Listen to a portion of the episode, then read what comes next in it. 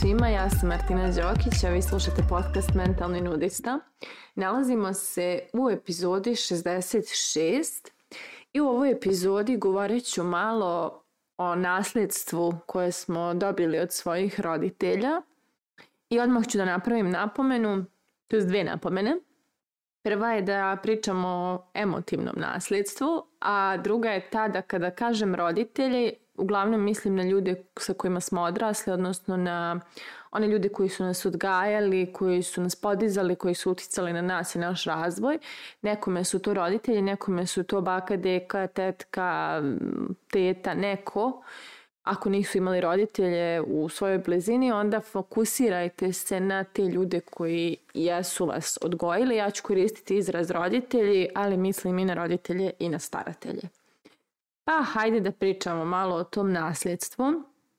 Ja ću se po običaju dotaći onih nekih ograničavajućih, pardon, ograničavajućih dijelova tog nasljedstva koje, e, znači, naravno postoje oni lijepi, ali ja ću se malo pozabaviti ovim tamnim stranama toga baš kako biste dobili priliku da nešto s tim i učinite i s tim onako razriješite.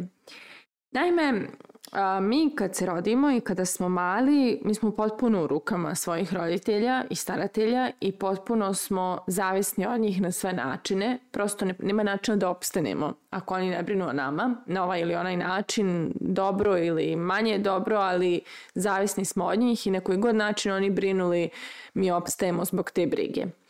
E, baš zbog toga što nemamo prethodno životno iskustvo i rađamo se i dolazimo bez te neke ideje kako se funkcioniše u tom društvu ili u tom sistemu u kojem smo. Mada sada kad to tako kažem, nije u potpunosti tako. Zapravo djeca su vrlo povezana i sve ona znaju, ali u skladu s tim nekim normama sistema u kojem se rađaju, eh, ne znaju kako taj sistem funkcioniše. I onda eh, roditelji bivaju naši prvi učitelji, naši najveći učitelji, Oni bivaju oni u koje gledamo e, kada nismo sigurni da li nešto smije ili ne smije, može ili ne može, treba, ne treba, da li je dobro ili loše, opasno ili bezazleno i oni bivaju oni kod koje gnjavimo za sva moguća pitanja. Koliko ima sela između ovog i onog grada, čemu služi ovo, a kako radi ono. I bukvalno naša radoznalost je nešto što nam pomaže da učimo, A to kako se oni nose sa našom radoznalošću, odnosno način na koji, nas, na koji nam odgovaraju na naša pitanja, na koje reaguju na naša ponašanja, je nešto što nas uči o tome kakav je život. Jer u trenutku dok smo djeca, naš čitav svijet su naši roditelji i njihove odluke, njihov, njihova odluka gdje će nas sve izlagati kakvim društvima, kakvim sistemima, kakvim vrtićima, zabavištima, igralištima, prirodi ili gradu, da li će nas puštati ili ovo ili ono, to zapravo definiše našu ideju kakav je svijet, kakvi smo mi. Da li nam spuštaju da padnemo, naučimo da, da, da, da se nosimo s tim ili nas drže kao malo vode na dlanu pod staklenim zvonom, sve to određuje uh, našu ideju o našim sposobnostima, o našim kapacitetima, o našoj snalažljivosti ili nedostatku iste, o tome smo smotani ili spretni, znači sve to učimo kroz to kakve nam granice i kakav odnos prema nama grade naši roditelji. I, ajde ja da kažemo, to je jedan dio te neke ideje o životu koji stičemo. A drugi dio jesu njihove stvari koje su oni naučili od svojih roditelja. I sad mi obično kada smo male, mi u svoje roditelje gledamo kao bogovi, uvjereni smo da oni sve znaju i onda u nekom trenutku kada malo ostasamo, počinjemo da shvatamo koliko oni greše, počinjemo da shvatamo da ne znaju mnogo toga, da su mnogo toga pogrešno uradili i često počinjemo da bivamo jako ljuti jer su njihove greške izrazito uticale na naš život i njihove greške su trajno nas označile ili, ili da kažem, oštetile na neke načine i tu kreće taj neki moment sindrom palih bogova i ta neka ogromna e, e netrepeljivost prema njihovim greškama jer teško prihvatamo te strane njihove ličnosti koje nismo, kojih nismo bili svesni dok smo bili mlađi i tako reći manje racionalni. I onda e, dolazi do te tenzije zbog koje mi često odbijamo da primijetimo koliko ličimo na te svoje iste roditelje. E sad, naravno da postoji drugačiji odnosi sa roditeljima, naravno da postoje ljudi koji se čitav život dive svojim roditeljima, koji obožavaju svoje roditelje i nemaju taj moment netrpeljivosti, ali ima i to svoje strane i spominjat i, i to, znači neke, kažem, negativne strane. Naime, Naši roditelji su baš kao i mi odgojeni od strane nekih roditelja koji su takođe imali neke kapacitete, a neke ne. Takođe su živjeli u nekim uslovima koji su možda bili slični našim, ali često baš i ne. Znate, ono 4 km uzbrdo po snijegu, bos do škole i 4 km uzbrdo po snijegu, bos nazad.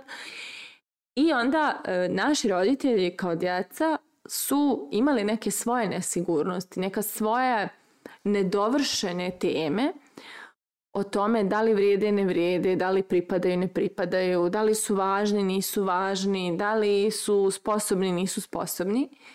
I njima njihovi roditelji nisu do kraja zaokružili neke dijelove ličnosti. Znači i naši roditelji u svom odrastanju nisu stekli određene dijelove samopouzdanja, određene dijelove samopoštovanja, određene elemente vjere u svoje sposobnosti, u svoju pamet, u svoju spretnost i u svašta nešto.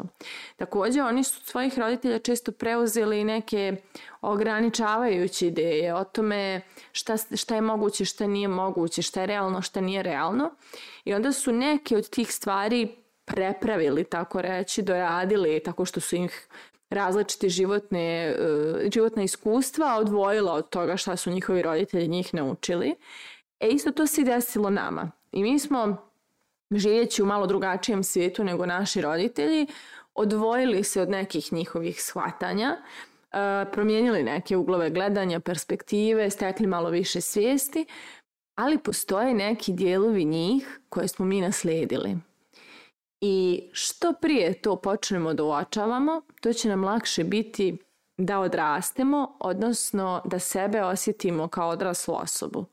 Najčešće nas od tog osjećaja da smo odrasli dijeli prevazilaženje tih planina koje su u očima naših roditelja planine. Pa, na primjer, evo, u mojoj kući velike teme kroz moje odrastanje su bile financije, edukacija i mršavljenje. Znači, moja majka čitav život ima višak kilograma s kojim nikad nije uspela da se izbori, jer čitav život drži neke dijete, nije istrajna, odustaje i tako dalje. U suštini ona je jedan veliki emotional eater, odnosno kroz hranu nadomjašćuje neke stvari koje ona kao dijete nije, nije zaokružila, neke svoje e, emocije koje nedostaju. Brat i ja posmatrajući to imamo slične obrazce i sli, na sličan način se nosimo s tim obrazcima i meni je dugo trebalo da shvatim da onog trenutka kada prevaziđem tu temu ja ću znati da sam prevazišla to unutrašnje dijete u sebi koje, koje osjeća nemoć povodom toga, zato što unutrašnje dijete moje mame koje ima problem s tom temom se preslikalo na mene. Pa znači ako moj roditelj ima nemoć oko nečega, često se ta nemoć i meni kao djetetu ureže kao, kao jeli, takođe nešto što ja ne mogu da postignem. E, I isto je bilo i sa financijama, isto je bilo i sa, šta sam rekla da je treća tema, edukacija.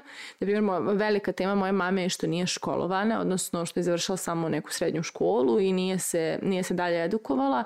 Ja je ogroman pritisak vršila i na mene i na brata, da bismo i on i ja pretvorili su neke loše studente koji ono, su napustili fakultete. I e, onda sam ja tek mnogo godina kasnije mnogo radila na tome da prevaziđem. Iako sam uvijek bila pametna i dobra u školi i onako snalazila se, taj fakultet, znači tačno taj nivo koji je mojoj mami bio velika tema je u mojim očima postao neka velika tema. I evo, hvala Bogu, uspjela sam to da privaziđem, odnosno privela sam kraju e, fakultet, ali meni je to bila takva roller coaster putanja, za razliku od mnogih mojih prijatelja čiji znači, su roditelji e, fakultetski obrazovani, to je bila neka normalna stvar koja se uradi kao što su radila i srednja i osnovna škola su se završile, pa tako i to i idemo dalje. Znači, ništa, no big deal što se kaže. E, tako, znači, mi, kao što sam ja dala sad ove primjere, tako mi u životu naslijedimo od svojih roditelja neke ideje šta je ogromno teško i komplikovano i kako je to teško prevazići. Znači praktično naslijedimo njihove nedovršene teme i pretvorimo ih u svoje. Mi to možda ne vidimo na isti način, nismo svjesni da je to ista tema, jer na primjer moja mama nikad nije ni upisala fakultet, ja jesam, pa mo, nije, dugo mi je trebalo da shvatim da njena nesigurnost postoji u meni, jer meni je bilo prirodno da ga upišem, ali e, vremenom, jeli, kroz ovaj rad na sebi sam shvatila da sam ja nasledila tu temu. Znači, nasledila sam temu da je ta edukacija nešto za odabrane i da to nešto kao ta formalna, jel? A ja s druge strane završila milion edukacija i stalno nešto učim i takva mi je priroda da sam stalno u edukovanju, ali ta formalna, te, ta formalna edukacija za mene bila ono, ne, neko brdo ogromno. Tako da u suštini To je fora, da otkrijete, pogledate u svoje roditelje, sagledate šta su njihove nesigurnosti i pronađete ih kod sebe. I onda kada pronađete kod sebe to, kako uhvatite jednu po jednu i, i uradite nešto s njima, odnosno prevaziđete ih kroz nebitno rad s terapeutom, trenerom, koučom, edukacijama, čime god bude potrebno, kako budete prevazilazili naslijeđene nesigurnosti vaših roditelja, tako ćete se osjećati sve odraslije i sve moćnije nego ikad ranije u životu. Jer baš u tim naslijeđenim nesigurnostima leži naš najveći potencijal, odnosno najveće polje za rast našeg samopouzdanja. Tako da je moje pitanje za kraj ove epizode, da li ste spoznali vaše nasljeđene nesigurnosti ili ćete tek to da uradite nakon ove epizode? Mislite o tome, a mi se družimo u narednoj epizodi.